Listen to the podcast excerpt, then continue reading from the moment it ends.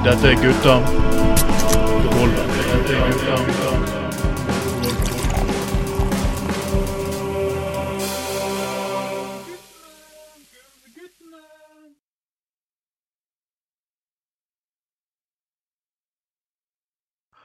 Velkommen skal dere være, folkens. Dette er eh, sending nummer 24 i podkastserien Gutta på gulvet. Nummer 24 i 2021, heter det. Og vi holder det vi har lovet. Vi skal ha med en gjest i dag. Og, men selvfølgelig, min makker er alltid Det er meg, altså. Anders Skoglund. eh, Dagens gjest er litt spesiell, for det, det er helt utrolig. Det er kun Du skulle tro at en podkast som viser å ha lyttertall på 85% menn, skulle tiltrekke seg menn som gjester. Nei. Espen Edvardsen har prøvd å unnskylde seg vekk. Eh, Eivind Bolstad fra Høyre svarer ikke, selv om jeg selv ser meldingene. Men den som svarer, er selvfølgelig min favorittpolitiker, Hilde Bo Andersen. Vel, hun trenger ikke noen representasjon. Jeg møtte henne første gang jeg satt Var det helse- og sosiale møtes første gang? Nei, barne, barnehage, skole, oppvekst. Barnehage, Jeg husker ikke hvilket utvalg jeg satt og sa i. Og vår felles kjærlighet for Fremskrittspartiet bandt oss sammen i det møtet. Ja. Den er for evig. Da er selvfølgelig Men Hva het han der løken som satt der for Fre- Fremskrittspartiet igjen? Uh, jeg husker ikke. Hvem av de? Det er så mange. Ja, jeg husker ikke det. Jeg husker bare uh, den diskusjonen Jeg vet ikke om du var der, men det var diskusjon om um, forbud mot ansiktsdekkende plagg Yes! i, eh, i, i utdanningsinstitusjoner, og alle hadde liksom en faktisk diskusjon, og så kommer det en eller annen tulling og er sånn jeg tok faktisk et fly fra Dubai til Paris en dag. eh, og da var det veldig mange damer med sånn eh, burka. Men med en gang flyet reiste seg opp, da tok de av seg burkaen. Og under der så hadde de Vet du hva de hadde? Det var nyeste mote, tenk. Og alle andre satt der og var sånn Hva faen hadde det med noe som helst å gjøre? Det var, ja. Å gud, men Vi må komme på navnet på den fyren her. For han, han var, han, eh, et, etter vi ga den huden full, så var han Vi pleier å ha til å danne tone oss med kollegaer. Og det er veldig morsomt. Men eh, du holdt på med en introduksjon, du. Ja, jeg gjorde det. Er- er du- skal du introdusere deg Jeg er selv? at folk holder eh, Hva mer kan jeg si? Du satt, satt, har i bystyret for, eh, for SV. Du trakk deg ut nå. Det var jo veldig trist. Jeg kunne trengt en fargerike, fargerike fremtoning, kan du si. Hilde er litt sånn som oss. Eh, vel, hun er litt sånn som meg. Vi, vi bruker vi F-ordet sitter litt løst noen ganger, og mellomste fingeren er hyppig brukt. Kan vi si det er, er det vi har til felles, Hilde? Ja. ja. Og så liker vi veldig godt oliven på folk og røvere. Det er vik- viktig. Jeg har fått enstendig folk og røvere til å huske på å kjøpe oliven, takket være Hilde. Eh, Fortell historien. Hilde kommer inn. Det var fem-seks mange venninner, og, og de, alle de gikk igjen. Pga. det var ikke oliven å oppdrive. Ja. Jeg kjedet meg en stund. sant? Jeg så hadde jo sluttet med politikk, så jeg måtte ha en hobby. Så da, mitt mål er jo at jeg skal få oliven til internpris på um. Apollon. Så da begynte jeg å ta med alle vennene mine. Hvis jeg var på Tinder-date, så gikk vi på Apollon, spurte etter oliven, prøvde å lage en hype der. Du setter ditt merke i utelivet, du, gitt. ja. Du setter virkelig ditt merke i utelivet. Jeg, jeg har selvfølgelig også gått på en smell når det gjelder oliven. Jeg trodde jeg hadde jeg funnet at du må aldri kjøpe oliven etter å være på nattevakt. Vet du hvorfor? Hvorfor det? Jeg skulle prøvd å kjøpe en stor kasse, eh, svært glass med oliven som jeg trodde var oliven med hvitløk. Som viste det var oliven med mandler. Ew. Yes. Ah, Æsj. Ja, OK. Ja. Så ja. Og visste man forskjell. Men la oss uh, prøve å gå litt inn på sakskartet her. I hvert fall forsøke. i hvert fall for som dere vet, folkens, sakskartet går i alle retninger stort sett hele tiden. Du har vært på pride, Hilde, ja, det var jeg tidligere i dag. og det var ingen som hadde drippet og brent opp flagg. Nei, det var bare god stemning. Jævlig god stemning, faktisk. Eh, så, men jeg tror det at hvis noen hadde vært så dum at de tenkte sånn Jeg stiller meg midt i Pride Park og tenner på et flagg, da er det på en måte sånn det, Jeg tenker det, det går vel ikke. Da er du dum. Ja, jeg hadde som vakt bare latter og banke til en person, men eh, Det er faktisk gjort en gang. vakt gjøre det en gang. det er faktisk gjort en gang, vet du det? Hva?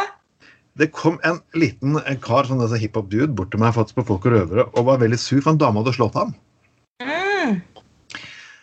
Da jeg fikk eh, beskjed om han hadde sagt for noe, hadde jeg kalt henne en jævla fitte. Ja, ikke sant.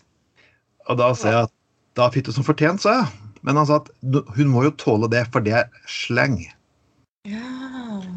Ok, du kan ikke engang sjekke opp damer. Enda verre kan du faen meg eh, sleng eller dialekt. Jeg har bodd i Bergen i 20 år. Jeg har aldri hørt den form for dialekten. Det, Mm -mm. Så er litt uh, patetisk òg, og hvis det er sleng og eh, som sagt kjent den som den som er på leken får smake steken, som de sier. Og hvis du da liksom kaller en dame for uh, fitte som en del av en, uh, en, en uh, sjekkegreie, og ikke forstår eller kan tolerere at du får deg en uh, på trynet, eller en form for klessing, da er du rimelig dum, altså. Yes. Men altså, tenker jeg sånn at hvis det er sånn eh, heteromenn driver og sjekker opp damer, så skjønner jeg jo at de føler seg litt Hvis de føler seg litt truet av oss bifile og skeive. Fordi at Ja. på en måte Hvis det er deres sjekketriks, så er det ikke mye konkurranse der, da.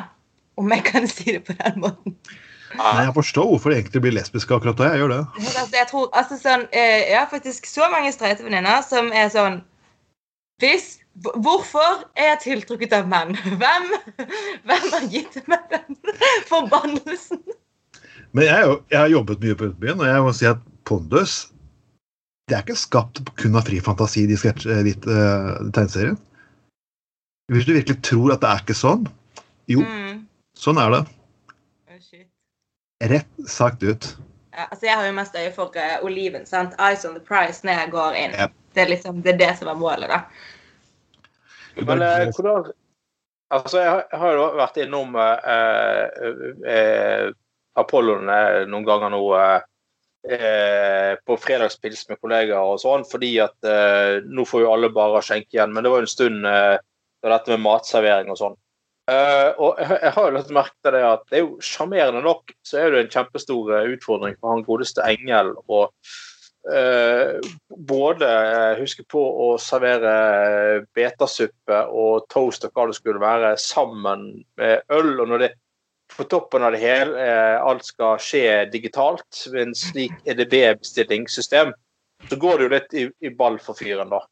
Eh, men skal du liksom hive skal forholde seg til oliven i tillegg, da må jo det gå fullstendig i ball for fyren. Dette, men Eh, altså, det er da jeg tenker sånn Det raskeste her hadde jo bare vært hvis alle husket meg og bare var sånn Det er olivenjenten. Bare hun kommer inn, gjør klar oliven, så hadde de sluppet alt det digitale stresset, da. Men jeg tenker på en måte Ja. at det er greit å ha mål, da. Jeg kan godt ta meg tid til å nå drømmene mine. Det går fint, liksom. Det er viktig med ambisjoner og sånn. Ja, absolutt. Men eh, du, du har, tatt, har du tatt pauser av bystyret? Kommer du tilbake, eller? Eh, altså Akkurat nå så er jeg jo leder i SV i Bergen, da. Så eh, det er jo valgkamp, og vi er SB sitt eh, største lokallag fordi Oslo er et fylke. Eh, så det er, det er jo en del å gjøre der, da. Eh, og jeg syns jo Jeg elsket å sitte i bystyret. Jeg elsket å sitte i bystyret fordi jeg elsker å snakke, og jeg elsker å kjefte. Men Det eh, det er noe jævlig kjekt med denne med medlemskontakt og sånn også, da. Planlegge aksjoner og sånn. Ja, jeg ble jo valgt i 2020. Det skulle jo bli aktivismens år, da, for Bergen SV, så det gikk jo til helvete. Men ehm, Men eh, Nei, jeg vet ikke. Jeg savner å sitte i bystyret. Det var ganske, det var ganske gøy, det, altså. Så kanskje en gang seinere. Ja. Neste periode. Ja, ja, kanskje. skal vi, meg, meg der kan bli byråd, så kan vi bare sitte og pynte på masse faenskap. Nei. Tenkte du av det? Åh, kan du, det må være helt forferdelig. Sant? Altså, opposisjon, det er ganske sweet. Jeg har fortsatt traumer etter når SV var i regjering. Og det er sånn, det gjør helt vondt inni meg å tenke på det valget som kommer nå, fordi at jeg er helt på ekte. Med hver celle i kroppen min mener jo det at det beste for landet og det beste for liksom, Norges politikk og menneskene her, er hvis SV er i regjering. Men faen, så jævlig slitsomt det kommer til å bli. Åh, det er sånn, Jeg er veldig delt, da. For det er ikke så nærheten så bondenasjonalistiske som Senterpartiet er. Nei, jeg, å gud, ja, nei, jeg er ikke noe fan av de. Altså, min første politiske tanke det var Fox Senterpartiet. Da hadde Mine foreldre hadde kjøpt Nemi, og jeg åpnet Nemi, og Nemi trashet om ulv og sånn. Jeg var sånn Fuck Senterpartiet, jeg skal bli veggis. Dette her gidder jeg ikke mer. Så det Ja, kunst for andre verden, liksom. Det Ja. Ja, jeg jeg syns det er mange bygg i den byen her som man kunne liksom slutte å bruke som altså, mange gamle, så I Stavanger har brukt gamle menighetshus eksempel, liksom, til puber og klubber og alt mulig. Jeg kan tenke deg det. Finken kunne fått flere avdelinger i disse gamle bedehusene bare for å gi Philip Rygg hjerteinfarkt og Marit Moltue gå ut amok, kan du si. da. Og det hadde vært så morsomt. Jeg hadde også sett for meg eller jeg kunne godt tenke meg at det hadde kommet flere sånn all kjærlighet til Finken, men jeg kunne godt tenke meg at det hadde kommet flere skeive utesteder også. Mm. Sånn at du på en måte kunne uh, Ja Hatt forskjellige temaer. da, For akkurat nå så kjører jo på en måte Finken alle temaene. Men at du kunne på en måte hatt et sted som var De har jo på en måte bare dansegulv, men at man kunne fått det uh, litt forskjellige steder. da. Det, det syns jeg hadde vært kult. Ja, for Det ikke jeg liker med Finken, er for at jeg syns musikken er, er, helt jævlig. Men Men vinduet er alltid åpent, så når du går forbi, så kan du på en måte høre om du liker det eller ikke. Så kan du være sånn fuck, ok, I dag var det bare Britney Spears. Er jeg imot for det, eller er jeg ikke imot for det? Og så kan du velge å gå videre før du har betalt inngangsprisen. Det er nice. Det burde egentlig ja. alle steder ha. Ja, godt dragshow, det sier jeg aldri nei til. Det er alltid like morsomt. Ja, ja. Jeg er den største heterofile dragfanen i Bergen. Nei, det jeg, tror det, jeg tror det er mange heteroer som uh, har godt av Alle mennesker tror jeg har godt av å på en måte leke litt med kjønnsuttrykk og hvor, hvorfor, hvorfor skal du kle deg sånn og sånn. og Drag er jo på en måte, det er jo en skeiv ting, men det handler jo også om å bare utfordre de kjønnsrollene som egentlig mm. fanger alle mennesker. da. Ikke bare skeive. Anders, mm. du, du kunne vært en skikkelig dragartist. Jeg? Ja. ja hva skulle kunne kledd meg ut som uh, Skogen og friluftslandet. Du er sko, skog- og friluftsmann. altså Du hadde jo vært nylig kunne kombinert disse tingene inn i skikkelig dragshow. Jeg har jo en viss drøm om å drive med drag og kle meg ut som uh, Valja Svarte Haugland nå. Uh. Det er sånn indredd kraft. Så jeg uh, kjenner veldig på. Stadig vekk. Så uh, aldri si aldri. Kanskje i, om noen år, så uh, ja. Eh, så, eh, så parodierer jeg hva det gjør de Hva heter det? Grand Prix-parodi eller noe sånt. Det hadde vært uh, fantastisk. Jeg var vakt på Paradis Grand Prix en gang, og det var egentlig ganske morsomt. Det er faktisk en av de morsomste delene på jobb jeg noensinne har hatt. Så at du kunne fisket opp. Det, det, tror jeg absolutt. Hvilken dragartist kan Anders vært, egentlig, Hilde? For ikke tror det. Han har jo altså, Dette er jo kjempejuks. Dere har jo bedt meg om å skru av kameraet og hva, skal, skal, jeg si Skal jeg bedømme Ok, hvilken stemme Hvordan type dragartist Skru på kameraet så Hilde kan se deg. Ja, jeg må ha en beskrivelse. Jeg tror du kjente andre, men Skru på kameraet så Anne Hilde kan se det, Anders. Vi må jo ha en ordentlig vurdering. Men altså, jeg har aldri vært så uh... OK, vent, da. Og så var du opptatt av sånn der uh, skog og mark og sånn. Friluftsliv. Å, se på den godbiten her. ja, ja, men jeg tenker Liker ja. og i tur og mark, som de sier. Uh, ja. Han sitter i et helt stilrett Ikea. Ja, men jeg, tror jeg tror det må innebære en øks. En øks, ja. Øks. Ja, tøft. Mm, jeg tror det. Jeg tror det. Ja. Skjold òg, eller bare øks? Altså, Hvis du har både skjold og øks, så eh, begynner det jo å nærme seg gamle våpenskjoldet til Hordaland fylkeskommune, og det liker vi jo. Så det er Litt sånn Amazon-aktig mm. Ja, ja, ja. Du, det ser jeg. Det ser jeg. Det er ganske nice. Jeg tenker Ingen grunn til å vente flere år for den drømmen der, altså. Nei, det Altså, jeg, jeg, vil bare gjøre absolutt uh, Det bør si at alt for å slippe en 8-4-jobb, så er jo egentlig for meg egentlig bra utgangspunkt. ja. Du jobber jo som, uh, i utelivsbransjen som vekter og sånn, så det er vel aldri 8-4?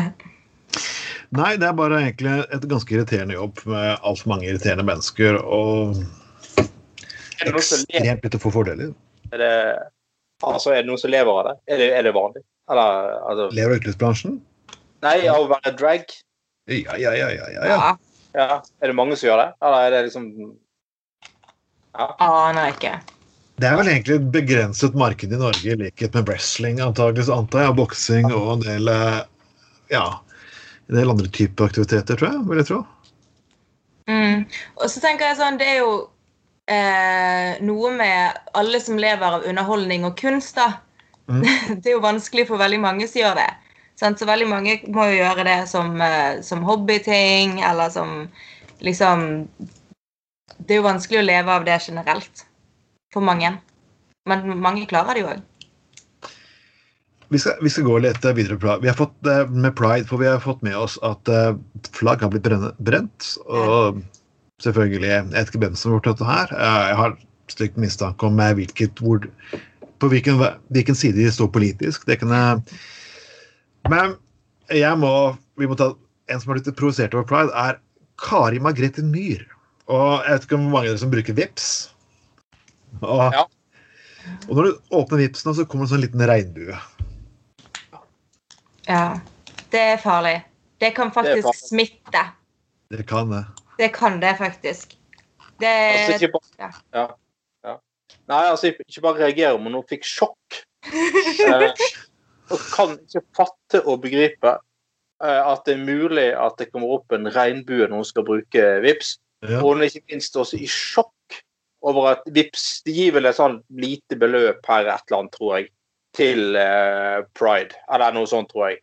Eh, og det mener hun òg er helt eh, forkastelig. At det, det liksom er, er mulig. Og det er selvfølgelig dagen som kommer, denne her eh, denne, denne nyheten. da. Så, um, Dagen er faktisk Det er mer homonytt i dagen enn det er for meg i blikk. ja, det er det. jeg, jeg har nesten ikke ord. Altså, Én ting er å si liksom at eh, et eller annet om at eh, Nei, personlig er jeg ikke så veldig begeistret for at det dukker opp en regnbue. Altså, Vi vet jo det at uh, intolerante folk finnes jo overalt. Uh, og sånn. Og det er, jo, det, det, er jo, det er jo lov å mene det, selvfølgelig, for all del. Selv om jeg ikke er enig, så er det lov å mene det.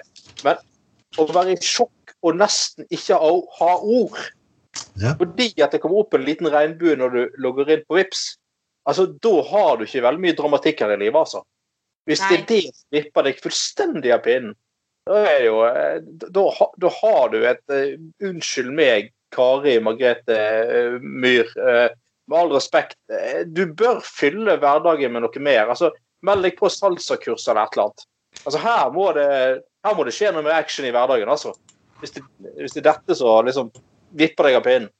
Det tror jeg, Den artikkelen tror jeg er noe av det mest privilegerte jeg har lest noensinne. Ja. Altså. Men jeg tenker sånn, det jeg alltid lurer på når jeg leser sånne artikler, er sånn eh, Hvem har kontaktet media? Sant? Har media For noen ganger så er det liksom, har noen skrevet noe på Facebook, og sånn, og så har en journalist plukket det opp. Og noen ganger så er en eller annen sittet og ringt media sjøl. Og det lurer jeg alltid sånn på.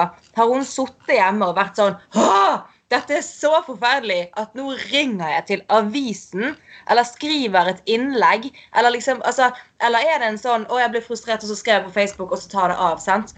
Fordi at det er jo uansett ekstremt rart å reagere på. Jeg tenker sånn, Og disse menneskene de sier jo ofte sånn Begynner alltid med en eller annen sånn bla, bla, bla om at de respekterer alle mennesker og sånn, men det blir litt for mye. Eh, og da tenker jeg så, du, du kan bare droppe det for den der jævla introen om at du respekterer andre mennesker hvis du på ekte blir fornærmet. Altså, Ja. DNB, som har VIPS, sant?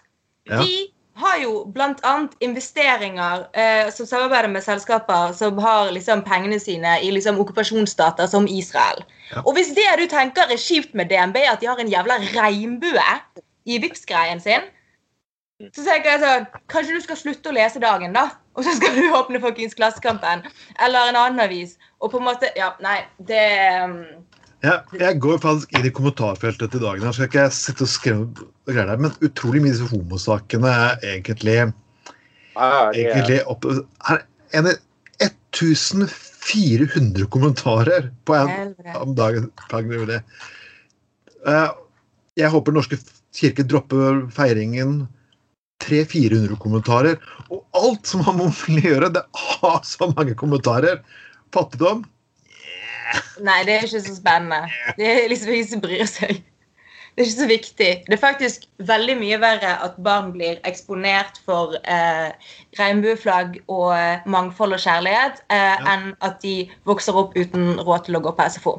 Det er faktisk mye mer traumatiserende hvis du må bli tvunget til å se eh, to jenter kysse, enn hvis eh, du alltid er den med hullete fotballsko. Og det som jeg leser i her, det er fantastisk, for det er jo også en bok om eh, Ole Bollestad, som hun fortalt har blitt seksuelt trakassert, noe som er ganske alvorlig. Mm. Du kan mene hva du vil om Bollestads politikk, men dette er ganske, det er ganske traumatisk og det er ganske alvorlig. Der er 182 130 kommentarer. Latterfjes.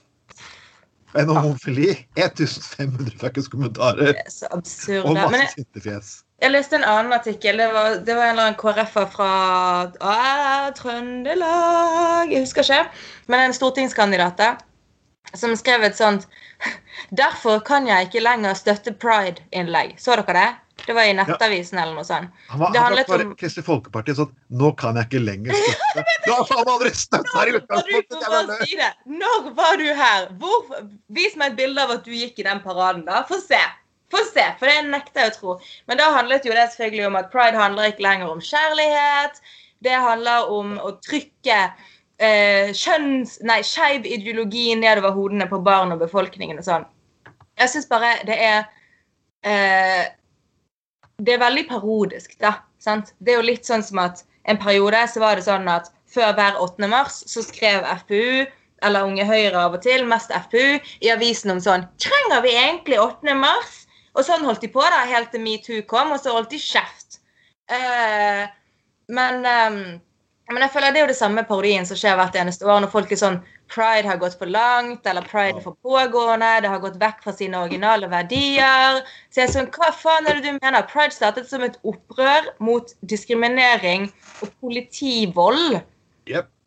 Altså, Pride ble startet av transmennesker, og hvis du er pissed for at pride ikke bare handler om to skeive mennesker som elsker hverandre, og så skal du tolerere dem til å få gifte seg inn i patriarkatet, liksom, så, så, så vil ikke du være med mer. Pride handlet faen aldri om det der tullet du tror det handlet om. Pride handlet om et, Det var et opprør, og det er fortsatt opprør. Og hvis noen ikke har lyst til Hvis noen må på en måte OK, ok, det det koker ned til, da, er det at jeg føler at disse menneskene som hele tiden må vurdere om de kan støtte pride eller ikke, driver og deler inn i hvem som er de verdige skeive og ikke. Og det har du Oi. ingen rett til å gjøre. Du har ingen rett til å kreve kjærlighet av noen for at du skal støtte dem. Du er jo akkurat like verdig skeiv om du er forelsket eller ikke. Eller om du er Altså om du er, er, er transmenneske, om du er ikke-binær, om du er bifil og akkurat nå er du forelsket i en mann. Eller om du er aseksuell og ikke føler tiltrekning. Du er jo akkurat like verdig skeiv. Og jeg bare syns det er så kvalmende den der sånn OK, for at jeg skal tolerere deg, for at jeg skal akseptere deg, så krever jeg kjærlighet. For kjærlighet kan jeg forstå. For kjærlighet passer inn i den der heteronormative strukturen som alle er påtvunget. Sant? Alle, alle kan forstå kjærlighet, og kjærlighet er kjempeviktig. Misforstå meg rett, liksom. Men jeg syns det er så stygt å kreve kjærlighet for at du skal akseptere mennesker. Jeg synes det er absolutt feil å bare kreve at, at jeg, jeg driter i om KrF egentlig respekterer noe som helst. For egentlig jeg gir faen. Jeg håper det forpøla møkkapartiet kommer under sperregrensen. Og at Jo Ystebø, Ystebø begynner å eh, vaske utetoaletter eller et eller annet. Men det er, jo, det er jo veldig spesielt at dette her med at altså, eh, altså hvis, hvis, man ikke, hvis noen ikke liker eh, pride, eller ikke liker eh, eh, at, eh, hele konseptet, så er jo det for så vidt en ærlig sak. Men det er liksom det der at hva er pride? Hva er det for noe? Én måned i året, ikke det? Med litt forskjellige arrangementer og litt sånne ting. Altså, Mm. det, men nei, det, altså, det er liksom sånn Det er så gjennomført jævla lite raust. Og selv om ikke du liker det, kan du ikke bare tolerere det den ene uken. Og det er ingen som tvinger deg til å gå i parade. Det er ingen som tvinger deg til noe som helst. Men det, det er liksom dette Kan man ikke bare være litt raus den ene måneden i året der det er litt ekstra fokus på, på, på, eh, på pride-verdier og forskjellige uh, uh, legninger og, og, og, sånne ting.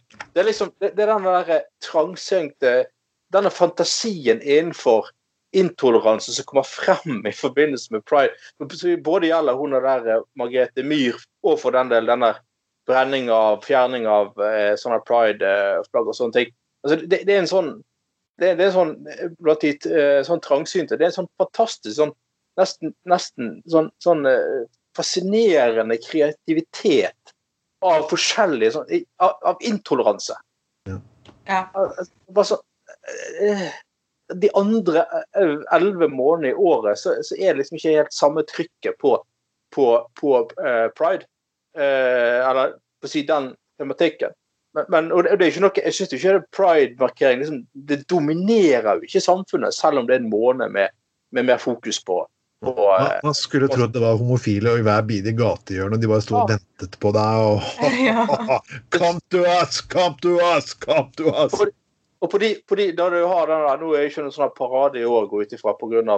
Eh, korona og sånn. Men på de, de, andre årene jeg har sett det være sånn pride-parade, da, så er det jo på samme dag så er det jo sånne der kystsågedager, og det er sånne der dampbåtfestival i sentrum samtidig. Altså, gå på det istedenfor, da. Ja, altså, la være, liksom. Eller, bare, hva faen er problemet? Hva faen er problemet? Kan du ikke bare holde kjeft? Det er, det er fascinerende gjeng, det der. Det er det. Men jeg tror, jeg tror uh, noen av de er nok bare uh, lettkrenkede idioter, holdt jeg på å si. Men, uh, men jeg tror det, um, det som ligger der, som er farlig, da, er jo på en måte eh, hvor hardt de faktisk jobber for å holde viktig informasjon om skeive ute av f.eks. skole, ute av lærerutdanning, ute av barnehage, sånne ting. sant? Og um, og at det faktisk Eller hvordan de på en måte bidrar til å eh, spre det som nærmest er konspirasjonsteorier om transpersoner, om alle Altså sånne ting som det, da. Eh, og det er jo egentlig ganske farlig. Så jeg tror på en mm. måte også Altså fordi at Det er farlig fordi at eh, hat og masse mistro mot mennesker kan føre til handlinger og trakassering og diskriminering og vold mot de menneskene. Så det er liksom en åpenbar trussel. Men det er jo også det at på en måte, av de undersøkelsene som er gjort, da, så ser man jo det at folk som er skeive, har, eh, altså, har dårligere psykisk helse enn den øvrige befolkningen. Og mye av det kan knyttes til det at man eh, vokser opp og er kanskje usikker fordi du ser ikke en som er som deg, representert. Du må gjennom denne jævlige prosessen med å komme ut, og du må gjerne gjøre det flere ganger. Eh, du kan føle på en nervøsitet hvis du holder kjæresten din i hånden, eller kysser personen på Bybanen eller på, eh, på, en pub, liksom. Eh, og, og, og eh, alt det er jo ting som man må prøve å gjøre bedre. sant? Og Derfor er det jo så viktig at man jobber for å få kunnskap om det jeg kaller for skeive ting inn i skolen og i lærerutdanningen og i helseinstitusjoner og hos fastlegene. Og det er jo det de her folkene driver og motarbeider. Men, ja, men jeg vil ta altså vanlige heterofile personer også som et lite problem her. Og skal fortelle hvorfor. For det, ja, så klart jeg jobber på byen. og alle tror har tendens til å ha sett litt for mye porno. og De tror at enhver kvinne som kysser en annen kvinne er på byen, er der for din underholdning. Ikke sant. ikke sant. Og bifile menn og skeive menn de finnes ikke. De er enten ekle eller de finnes ikke. liksom. Det, og kvinner er til for din nytelse. Det, ja. det, er, det er mer skam enn det bifile menn. For jeg ser langt fra det bifile kvinner tør å stå fram med bifile menn. Der er det Hva tror du til det? Tror uh, veldig mange Ok, det, dette er egentlig veldig interessant. da. Fordi at eh, vi lever jo i et patriarkat, et mannsdominert samfunn, og det gjennomsyrer alle strukturene våre. Og eh, det interessante med det er at mange tror det at bifile menn ikke egentlig finnes, eh, og eh, at de det er egentlig bare et steg på veien til homofili. da. Du kommer til å komme gjennom denne fasen og innse at du er homofil. Sant? Okay. Det er veldig få som tror at bifile menn egentlig er streite, men bare liksom tuller litt rundt. Man tror, Det er ofte fordommen som de møter, er jo på en måte at de egentlig liker menn. Eh, bare menn. Og så har man det som bifile kvinner møter, som er at det er eh, til for menns nytelse. Så liksom sum så konkluderer det med at uansett hva du gjør, så liker du menn. og du er til for menn. og det er jo ganske jeg, jeg, tror den veldig naturlige forklaringen for det er det at samfunnet vårt legger menn og maskulinitet så mye i fokus. Rett og slett. At det er liksom så mye som handler om det. Tror jeg, tror jeg henger sammen. Og så tror jeg nok at det ligger mye i at uh, at kvinner etter hvert får en mye friere kjønnsrolle, mens menn sin kjønnsrolle fortsatt er ganske stram. da, sant? Vi kan gå i bukser og kjoler og sånn. Og menn kan ikke gå i kjoler. Kan ikke, selvfølgelig kan de, men du skjønner, du får sosiale sanksjoner hvis du gjør det. sant? Sånn at vi har mye, på mange måter, da, en friere kjønnsrolle. Jeg vil jo bare si at uh, jeg vokste opp i en by som heter Skien. Jeg vet ikke om folk har hørt om den lille, lille hølet som det er borte på Østlandet der. den nederste by, og det, det var egentlig kjent som det ganske kjedelig. Det var fryktelig fuckings kjedelig greie. For det, for det menn skulle interessere seg for, var enten eh, biler, idrett og bla, bla, bla, bla, bla. Som egentlig personer som meg syntes var pissekjedelig. Og da får du selvfølgelig et Er du homo? Ja, sant. Nei, jeg syns bare dragshow og uh, underholdning og uh, musikk og samle på altfor mye vinylplater og tegneserier er mye mer interessant enn å faktisk diskutere rutetider, uh, biler Jeg vet ikke engang hva forbanna jekka for Jo, jekk, det er sånn ja, ok. Jeg vet ikke om clutch, hvordan du bruker en clutch engang. Liksom for min del Åh, gud. Det er en frustrerende verden. Det er det. Men jeg synes det er interessant hvordan, uh, hvordan vår oppførsel, da Hvordan vi uh, framstår, da, og hvordan vi er Altså hvordan, hvordan vi liksom oppfører oss da, innenfor det, uh, det skjønnet vi har, eller whatever, knyttes så tett opp mot eh, seksualiteten vår. Sånn Å, du liker ikke biler? Ah, homo. Det er sånn, mm. det er en ganske absurd slutning å ta. Og det er aldri veldig versjon. Hm, Anders? ja? Nei, altså jeg er helt fullstendig uten, uh, helt uten sammenligning nødvendigvis. Men jeg for eksempel, jeg har jo ikke uh, førerkort. Uh, kjører ikke bil. Uh, ser ikke behov for å ha det i det hele tatt. Det er et glimrende busstilbud her jeg bor, og det går helt fint. Men enkelte av naboene mine da, som er veldig opptatt av at de må ha to biler for å få verden til å gå rundt og sånn, de tror jo at jeg tar bussen utelukkende som en politisk markering. Ah. Okay. Uh, liksom, altså, det er liksom som en idealistisk politisk markering. Uh, uh, ikke fordi at det, Nei, det er faktisk praktisk. Det, det, er faktisk mest praktisk for meg å ta bussen. Det, det, det er faktisk hadde vært bakvendt å ta bilen på, på, på, på, og sånne ting. Og det, det, er de der med veldig sånn stereotyp greier på skal liksom mekke på bil og ligge under denne bilen halve dagen og vaske bilen hver søndag og holde på med sånn eh, så, sånn eh, greier, da. Så det, det, det, er enkelte Jeg syns det er veldig spesielt innenfor det der med, med Spesielt med, med, det med uh, Enkelte tydeligvis syns at det hvis ikke du har bil Har du ikke, har du ikke førerkort, så er du nesten ikke sånn fullverdig, altså. Det, det, det er veldig, veldig, veldig utrolig spesielt. Og så er det sånn, Hvis du som mann da ikke skal ville kjøre bil, så må det ligge noe mer bak det. Det må liksom, det må være en grunn ja. til det. det, det må, ja. Jeg, liksom, jeg, jeg, sluttet å barbere armhulene mine fordi jeg var lat, og det stakk når de vokste ut. Og det også antok jo veldig mange mennesker var en politisk markering. Og jeg skjønner jo at folk tenkte at det var en politisk markering, for det er liksom Men jeg var jo bare lat, da. Ja. Så liksom Men uh, ja. Det hadde vært kulere å si at det var en politisk markering, men jeg var bare lat. Det, eh, det er man også. Men altfor tror jeg ting er en politisk markering. Eh, det er jo det at jeg, jeg var som MDG-er og jeg på et på et seminar. Folk utrolig provosert at jeg ikke spiste kjøtt en dag. Det var en politisk markering! Å, oh, gud! Og så sinte de. Sånn, de herskerne av valgfrihet på høyresiden.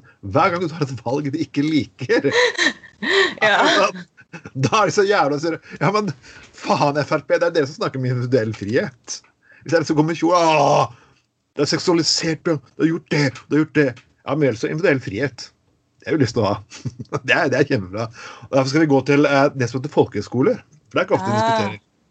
Nei, jeg snakker lite om folkehøyskoler. Aldri vært på folkehøyskole.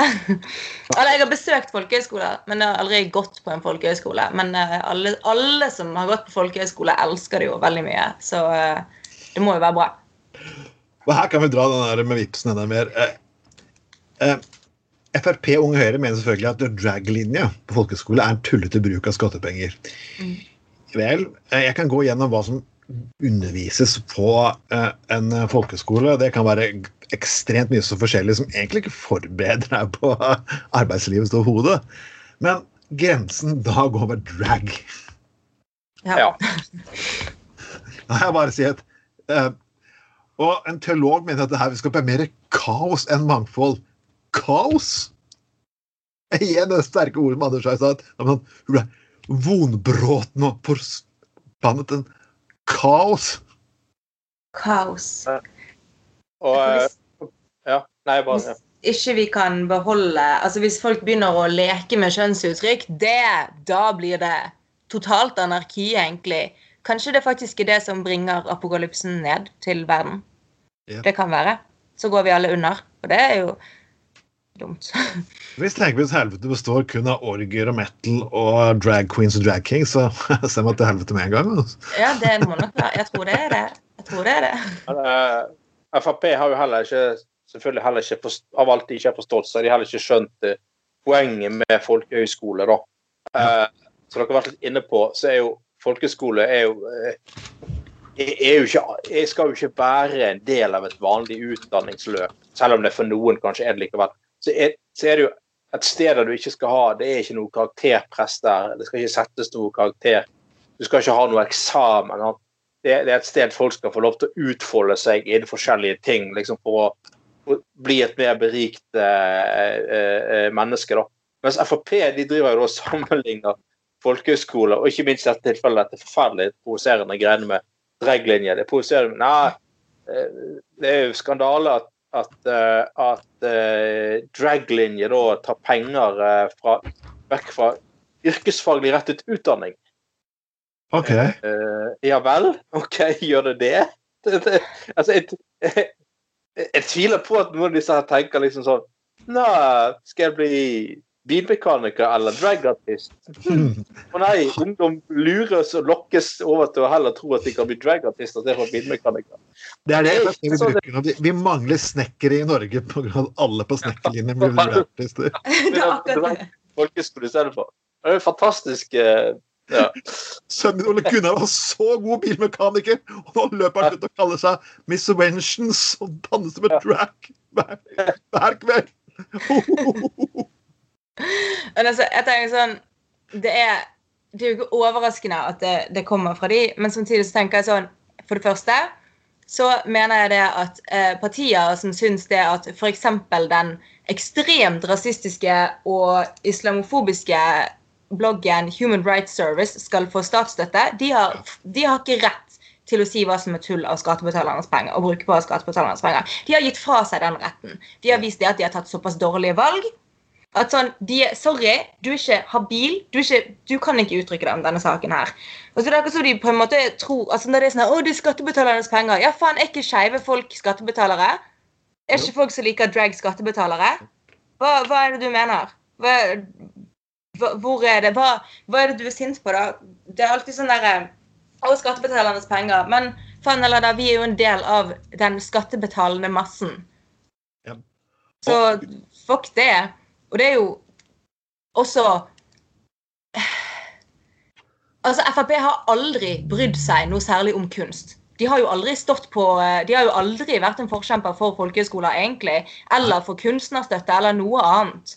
Og de har heller egentlig sjelden vært i front for liksom å kjempe for noe som helst skeivt. Det er ikke så lenge siden, det er en stund siden nå, Sylvi Listhaug sto på landsmøtet til Frp til full applaus og snakket om hvordan de skulle forsvare ekteskapet, for det var mellom mann og kvinne. De bryr seg kun om skeive ting når de kan være rasister. Når de kan snakke om at innvandrere ikke liker skeive, da er de sånn Å, vi liker skeive skikkelig mye. Ellers så bare pisser de på alle de skeive som er her. Så det er på en måte sånn Det er verken over, overraskende eller nytenkende, og det er dårlig kamuflert homofobi. Eh, Men det er så morsomt som Human Rights Service. De hemte, jeg, jeg, jeg jobber med muslimer på jobben. Vi hadde god en, en, Vi lå og gråt av latteren da jeg måtte, jeg måtte fortelle hva som sto på Human Rights Service. For de sa at de påstod at muslimer ikke kunne bruke håndsprit pga. alkoholinnholdet. Ja. Og jeg bare Jeg jobber med muslimer. at Nei, vi, kan, vi drikker det ikke pga. religion. Men vi kan faen meg det, så det er jo ikke sånn at vi kan bruke det på hendene. Som, et, som, et, som en del av Det er ikke sånn at Seriøst! Dette er det de faen meg klarer. Dette her får statsstøtte. Dette får statsstøtte. Mm. Så jeg tenker vi begynner der. Vi begynner med å legge debatten om eh, skal vi støtte rasistiske bloggere og organisasjoner eller ikke. Og så ganske langt nede på listen over ting som er problematisk. Langt, langt, langt. Da kan vi begynne å snakke om eh, hva som går til folkehøyskolene. Fordi at eh, de, altså sånn, jeg mener helt på ekte, de, de burde ikke de burde ikke uttale seg engang. Det, det er valgkamp. De er bare ute etter å stjele stemmer fra de der partiet De kristne og andre konservative som går rundt og lurer på hva de skal stemme. Det er jo åpenbart bare det. Men vi holder, det, her, det her blir nesten en pride-spesial og homospesial. Altså, nå, Anders, det er du som har funnet den fantastiske kunstmaling, eh, sånn rosemaling og peniser. Det må du forklare, Anders. Ja, det er faktisk nå en, en eh, kunstutstilling, en ny kunstutstilling på, eh, i, på Hordaland kunstsenter. Eh, som der bygderomantikk og homoerotikk uh, homo, møtes. Oi, oi, oi. Ja, og den heter 'Drikk av meg som en fullkommen mann'. oi. Og her, her er det da rett og slett eh, eh, ja, ganske korpulente, nakne menn med fullt skjegg og hele pakken som driver og eh, eh, drikker øl av sånne gamle, gamle sånn, eh, sånne der øl eh, sånne der, sånne øltrau, sånne svære sånne der krus med øl som vikingene brukte og sånne ting. Eh, og, og, og det er liksom mye Og det er rett og slett, typisk det bygderomantikk da, satt inn i en mer sånn homoerotisk setting. Å, jeg liker det. Og, og, og liksom mer sånn rosemaling og, og sånn, sånn eh, gammel sånn eh, ja historisk eh, sånn, sånn bonderomantisk eh, greie, da. Eh, så det er litt det, det, gitt. Huff, det, ser jeg. Det, det er vel kanskje litt det at uh, Distrikts-Norge har vel i hvert fall blitt ansett på å være relativt mange steder ganske homofobt, for å si det sånn. Så, så dette er vel en forsøk på liksom å, å Når man da komponerer da uh, typisk bonderomantikk eller erotikk med homoerotikk, så blir det da så, uh, så blir det sikkert for mye for, for enkelte igjen, som føler seg veldig, veldig provosert og sånn. da. Men det er en utstilling som hun Renate Riverdal i, i uh, BT har fått sitt eh, eh, hva er det, fem av seks hjerter, så eh, det skal visst være veldig bra. Um, her, ja. Masse Det blir seletøy, og det er alt mulig. Uh. eh, eh, ja, og lateks og Uh, jeg eh, setter vinduet litt. Trond. Altså, nei, nei, jeg- Ja, eh, rødrosa ølboller og Oi, oi, oi. eh, Ja, ja, dette er, er jo fullstendig eh, ølbollerim fra Nordfjord. Og det, er, det er fantastisk. eh. Og hvor er Senterpartiet oppi alt dette her? Hvor er Ja, hvor er de? Herregud! At- Nå, nå, har dere nå, vi fått, nå får vi homoerotisk bygde, bygdesamling. Vi har fått Ja. pride på bygda. Veldig, nå har vi hatt en del jeg må skryte av det distriktet, faktisk.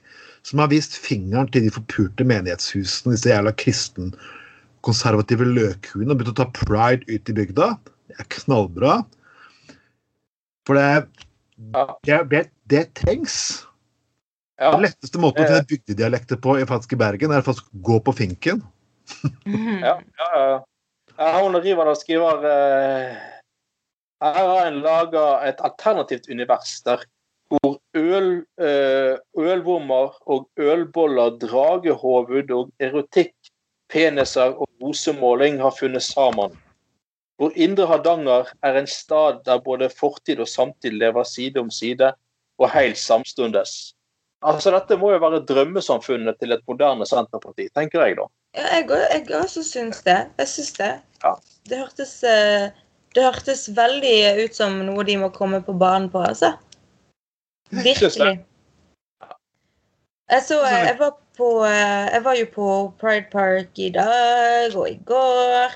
Og i går så var det en diskusjon der faktisk, en sånn panelsamtale om um, kunstens rolle. Da, for det er en utstilling der av en som heter Paulina Tamara, som har, um, har en kunstutstilling nå i Pride Park, men som tidligere også hadde uh, ute i, i Øystese. Uh, og hun har laget eh, også da, en sånn utstilling av det av mennesker. da. Hun er fotograf, så hun har tatt bilder av liksom egentlig vennene sine, da, det skeive miljøet rundt henne, og på en måte også vist fram og sånn. Og der snakket de mye, de sa mye klokt i det panelsamtalen. Det er alltid rart når du skal liksom prøve å gjengi noe klokt som noen har sagt. da. Men eh, oppsummert så snakket de jo ekstremt mye om det her med at det med representasjon, da, og at du ser noen som minner om deg, og at du ser din opplevelse speilet andre steder, og hvor jævlig viktig den tilhørighetsfølelsen er, da det er jo det som er botemiddelet på f.eks. det at man vet at skeive har dårligere psykisk helse, og at mange ja. opplever skam rundt sånn her å komme ut og sånn. Målet må jo være at ting er så, eh, så fritt, da. At ingen trenger å komme ut. Det er akkurat det. Ja. Og jeg tror faktisk hvis du har lyst til at folk skal bo på bygda, så ja. Hvorfor ikke åpne mer for mer eh, liberal tilnærming og at folk Ja. Og det viser jo det at det er faktisk at folk tør å si fra, kan funke. Vi skal gå litt, uh, litt videre. Og, og, det er selvfølgelig en artikkel. Vi, vi, siden du kom hit, så, så så må vi ta denne. Denne saken her var av Anders fram, og den, den, er skapt for deg. Vi klarte ikke å la være. Okay. Spaltist uh, Anders du, Anders, du må presentere den, for dette her er Ja, hva sak tenker du på? Det er spaltist Stein Gunnar Bondevik som mener at trenger ja. egentlig mannen? ja. Mm, japp. Og yes, igjen det, Ja, nei, Anders, kom igjen. Ja, nei, det klassiske greiene igjen. Uh, der det, det, er hardt å være mann, og det er en sånn evig uh, sutring om uh, dette med hva skal egentlig menn brukes til i dag? Har de blitt overflødige? trenger kvinner menn lenger? og alt sånt. Så det Jeg synes jo de der de der, Jeg, jeg syns det er nesten hvert år ser en eller annen sånn artikkel med akkurat samme tema. Ja, trenger vi mannen? Bla, bla. Hva er dette for noe sånn defensivt fjas, altså? Eh. Igjen den der tvangstrøya. For det, Gutta på gulvet har jo vært selvfølgelig, vi har en del humor eller grisehumor og litt sånn frekke ting. Ja, vi ser jo damer, og så gjør vi litt narr av uh, hvordan egentlig menn ofte er. Og det er en fullstendig mangel på hvem, at det er egentlig menn som begrenser menns valgfrihet. Ja. Det er det nok. Ja. Og, eh, ja. og hvis, hvis Kristelig Folkeparti og folkene begynner å skjelle meg mer ut og kommer med trygge ting, så skal jeg stille opp i drag på neste pride neste år. Jeg syns du skal gjøre det uansett. Jeg, jeg syns egentlig at du skal gjøre det uansett. Med tanke på at det finnes ikke høyhælte sko med skikkelig god isolering, så, så kanskje jeg skal vurdere en liten, uh, liten rolle som dragartist. Jeg skal delta nå i filmen 'Krigsseileren' som en britisk soldat. Fra britisk soldat til dragartist. Ja, ja, ja. Ja, men jeg tenker gjør det, gjør det. Og så tenker jeg til det spørsmålet trenger vi egentlig menn. Det er jo et spørsmål som uh, jeg føler jeg stiller meg sjøl ganske ofte. um, men uh, Og så sitter du her i bar klokken sju og sitter om tre med ah, Trenger vi menn? Trenger vi egentlig menn? okay, han, kan se litt, han ser litt bra ut etter fire Tequila. OK, fuck it. Nei, men, uh, jeg tenker at den utdaterte, utdaterte mannlige kjønnsrollen hvor menn liksom bare skal være uh, provider og beskytter og liksom holde seg så strengt fast til maskulinitet, det, det trenger vi ikke. Det, det, trengs ikke. Men det som er så jævlig trist, da, er jo altså, sånn, Jeg syns kjønnsroller er liksom Det er nesten så kjønnsroller er roten til alt vondt. Det er fengsler, liksom. Og det er jævlig trist at mannen sin verdi måles i forsørging. Det skader alle mennesker. Det gjør det at folk blir sånn 'Å, likestillingen har kommet så langt!' Nå vil kvinner ha ikke bare likelønn på papiret, men i virkeligheten. Wow! Og folk blir sånn Kvinner har egentlig mer makt enn menn fordi at eh, kvinner har eh, seksuell makt. Som om liksom det at folk seksuelt trakasserer deg, og at du blir liksom redd når du går hjem fra byen fordi at du er redd for å bli voldtatt, er makt. Sant? Men, men, eh, men jeg tenker jo det at det er fordi at det vi verdsetter vi må på en måte komme forbi hva det er vi verdsetter menn for. Og så må vi begynne å tenke at sånn, det der med de veldig trange kjønnsrollene, det er, vi bare, det er vi ferdig med.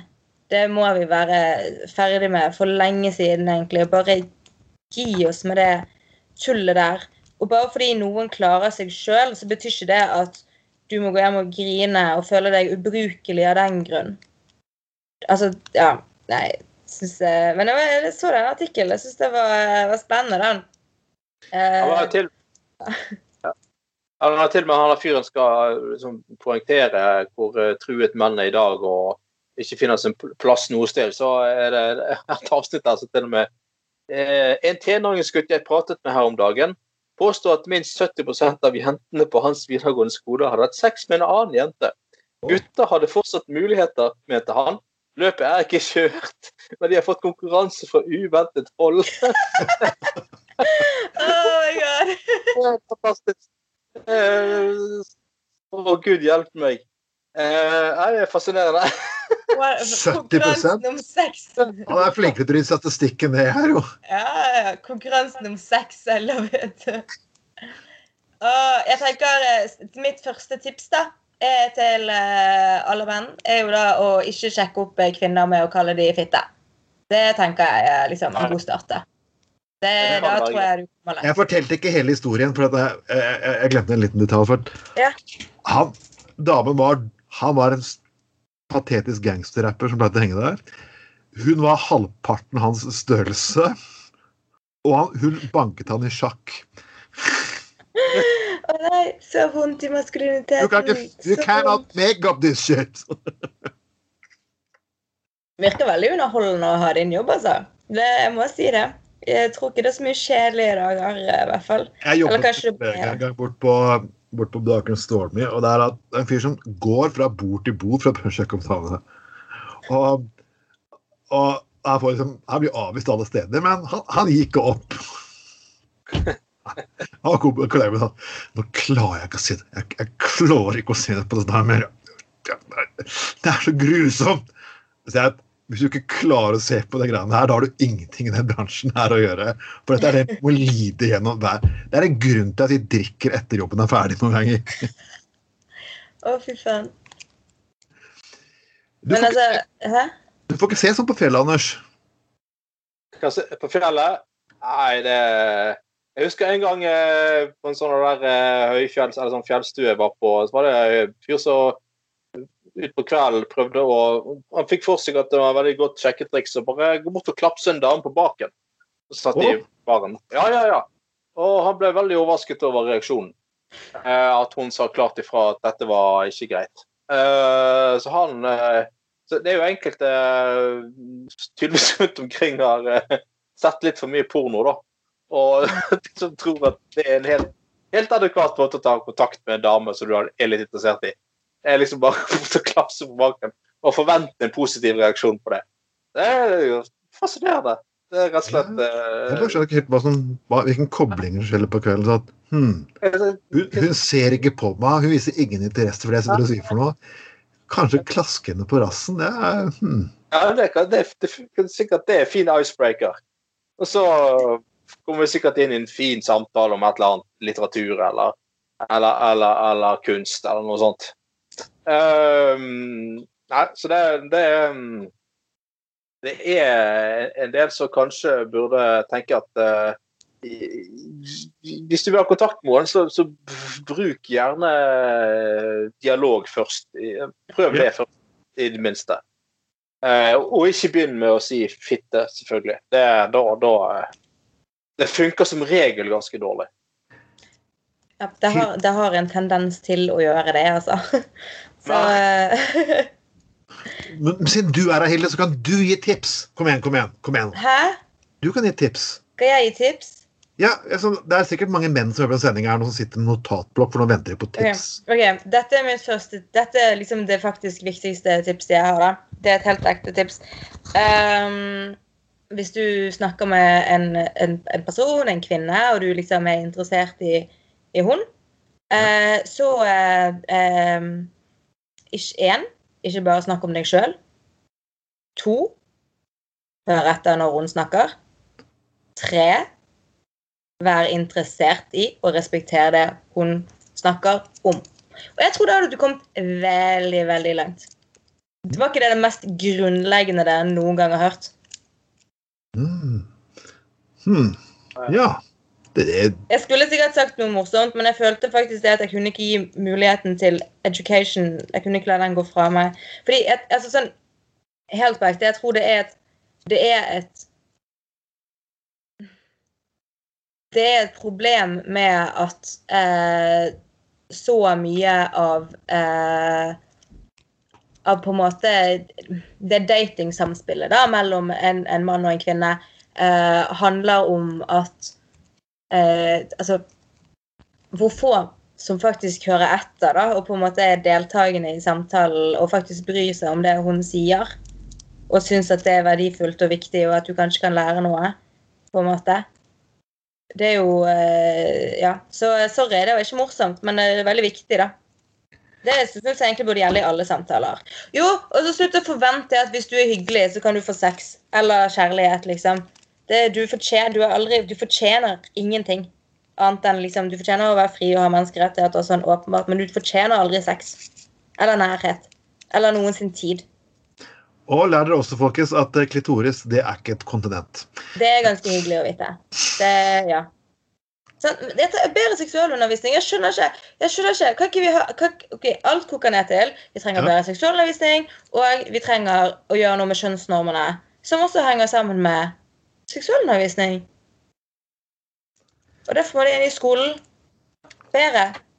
Og derfor er alle som kjemper imot det, relativt reaksjonære, altså. Gjerne. Men vi må ha noen, eh, siden vi alle har sittet og møtt i bystyret, så må vi ha noen gode historier til slutt. må vi ikke det? Bystyrehistorier? Ja. Ah, ok. Hvem er det største rasshølet du har møtt i politikken, Hilde? Oh. I Bergen. største rasshølet jeg har møtt i Bergen. I bergenspolitikken. Mm, det vet jeg ikke, altså. Det vet jeg ikke. Jeg tror um, Han er en ett, da, i hvert fall. For det, er, for- det er rasshøl der. Ja Nei, jeg tror, ikke, jeg tror ikke du får meg til å kalle ut et, eh, et, eh, et eh, rasshøl, altså. Men jeg tror det som er på en måte eh, min sånn derre yndlings... eh, tror, fordi det jeg står mellom, da, er på en måte Er det når du opplever at nå var noen en, en drittsekk fordi at de sier et eller annet som åpenbart er liksom helt eh, Helt, helt forbanna tullete? Eller eh, er det på en måte de som later som de vil noe for noe, og så gjør de noe annet? Mm. Det eh, provoserer meg. Så eh, jeg tror nok at jeg syns at det, det mest provoserende, det mest drittsekkoppførsel jeg vet, det er sånn når du f.eks. har eh, partier som Arbeiderpartiet som vil si det at sånn ja, ja, ja, ja, det er viktig med palestinsk frigjøring, og Israel er en ok okkupant, og så skal de stemme over om de skal boikotte eller ikke, så er de sånn Nei, det må vi stemme mot. Det går ikke. Det er det som provoserer meg mest. Det er den mest rasshøle oppførselen jeg vet. For da er ikke du ærlig. Da er du uærlig. Da er du en kødd. Sant? Men hvis du går opp og er på en måte bare et kjipt enkeltmenneske eller en kjip person, da er, sånn, da er du i hvert fall ærlig om det og viser det ut til verden, liksom. Så du har ikke lyst til å gå inn på og si at den og den personen er et skikkelig asshole? Nei. det har jeg faktisk ikke lyst til. Og jeg tror ikke jeg hadde klart det heller, fordi at uh, Det er ikke Jeg tror at um, Jeg tror at de som er skikkelig assholes, da Da kommer det frem. Da kan du ta dem på det. Det jeg ikke liker, det er snikyhet og bullshit. Og folk som gjør det at etter hvert så slutter folk å tro på demokratiet, og folk slutter å engasjere seg fordi at du vrir deg rundt alt det du skal gjøre, og det tror jeg er mye mer skadelig. Og det mener jeg er de ekte drittsekkene. For de kan ikke engang bære det med stolthet, liksom. Jeg kunne ikke vært faktisk eh, mer enig. Og de personene som jeg ikke liker, de har stort sett fått høre det ganske klart. Eh, Ja, Anders? Jeg er jo jævlig enig i det du sier om at eh, det er et eller annet med sånne åh, altså Én ting er folk som er rasshøl, og ærlige om at de er rasshøl, og alle det der, men de der som er så, sånne glatte folk, også når det kommer til politikere, det er- går rundt med sånn stort falsk smil hele tiden og seiler under falsk flagg og egentlig ikke eh, Altså, eh. Det, det er så eh, Det er etter min erfaring òg i- Sånne folk som du faen meg aldri helt vet hvor du har. Mm. Det, det er den forbanna Helt enig. Det er det aller største rasshølet. Husker jeg satt, i bystyret med en i Frp. Jeg husker faktisk ikke navnet hans. Eh, og Han var den gangen en eldre, privilegert herre, privilegert oppvekst, kom fra en eller annen veldig rik eh, familie her i Bergen. Husker ikke hva det het, som sagt. men eh, Født med en gullskje i munnen, eller sølvskje, og alt det der. Og så allikevel så, havner, så ender det opp som en sånn smålig Frp-er som liksom eh, er liksom intolerant, eh, liksom ganske brune holdninger, eh, liksom kan liksom ikke gå med på å gi et par hundre tusen ekstra til, eh, til eh, krisesenter for kvinner, liksom. Mm. Eh, liksom sånn, og liksom, jeg synes det, så det, det, det, det er så, Noe av de som provoserer meg så altså Én ting er folk som har, på å si, er gått ut på høyresiden, som kanskje, kanskje ikke har hatt det så lett opp gjennom livet, blitt bitter, eller et eller annet har skjedd. Eh? Men de der som faktisk er så grunnleggende fra det er dag én her i livet, privilegerte, eh, og så allikevel så klarer du faen meg å ende opp som en sånn intolerant, eh, arrogant eh, rasshøl. Det er det er lite annet som slår enn det kommer til å være rasshøl. Så det er lite annet som slår, slår de typene der, da. Eh, ja. Så har du jo Så har du jo òg selvfølgelig uh, Du har jo eh, igjen disse her disse her smørblide, eller disse her litt sånn glatte, litt sånn ekle typene som helt aldri liksom Aldri liksom eh, eh, eh, Alltid seiler under sjørøverflagg og aldri gjør noen ting med, med, med, med, blanke våpen, altså. Men eh, de der privilegerte som ender opp som intolerante rasshøl, og de har jeg møtt en del av altså, i bystyret. Det er skikkelig møkkafolk. Og ikke for å nevne navn, helt til slutt her, så kan vi jo da eh, bringe med videre et, sitat fra en person som faktisk er eh, veldig privilegert, faktisk. Den mannen heter Herman Friele. Og jeg mener det er den mest privilegerte. Det var mannen som i sin tid eh, klarte i en dok dokumentar å si at grunnen til at bønder i Sør-Amerika ikke var så fattige og fikk tre Det var ikke pga. han betalte de 3,50 om dagen, det var faktisk pga. de fikk for mange barn. Så ja. Det er jo veldig sympatisk. Og hvis jeg bare, hvis jeg bare venter ti sekunder, skal, jeg bare, skal vi avslutte med dette fantastiske sitatet han klarte å komme. Ah, Jo, han tror Grunnen til han ikke eh, gir sine opplysninger til Økonomiregisteret i Bergen, er pga. at han stoler selv på sin egen integritet. Merk dere, folkens. Den mannen trenger ikke å opplyse noe som helst, fordi han stoler på sin egen integritet. Men jeg tenker selvtillit er veldig viktig, da. Det, det er jo positivt at uh, han har det. I Jo, hvert fall. Uh, selvtillit kan være ganske bra, det, men uh, det kan Tequila også være. Men etter en flaske av det litt mange dager på rad, så er det ikke så like bra lenger. Vi må begi oss mot en slutt her, og det har vært utrolig hyggelig å ha deg på luften sammen med oss to gamle middelaldrende slasker, uh, Hilde. Det er at eh, grådig hyggelig å være her. Kan jeg spørre om en ting? Når Ja. er det dere slipper eh, podden deres? Podden vår slippes hver lørdag klokken seks. Og den skal på SoundCloud, på Spotify, på Overcast, Pocketcast og you name it. Og folkens, det ligger under Og inviter, spre til alle dere kjenner. Og jeg har vært Trond Matten Tveiten. Du selvfølgelig har vært Anders. Jeg, eh, nei, det er opp, opp, eh, Ander, jeg trodde du skulle eh, Jeg tror Hilde du skulle løpe. Ja. eh, Men eh, nei, eh, Anders. Det er nok Anders, ja. Det er meg igjen. Ja. Og vår stjernegjest. Hilde, det skulle jeg si meg sjøl, sant? Jeg må bare si det at um, det, Jeg har drevet og peket og gestikulert ut i rommet og sånn, og det, det er ingen som har sett. Jeg har drevet og pekt på, på dere og sånn. Men det Ja. Men ja, jeg heter Hilde. Hei. Ha det. Så folkens, med det så avslutter vi denne podkasten, og ha en riktig så god helg. Ha det bra.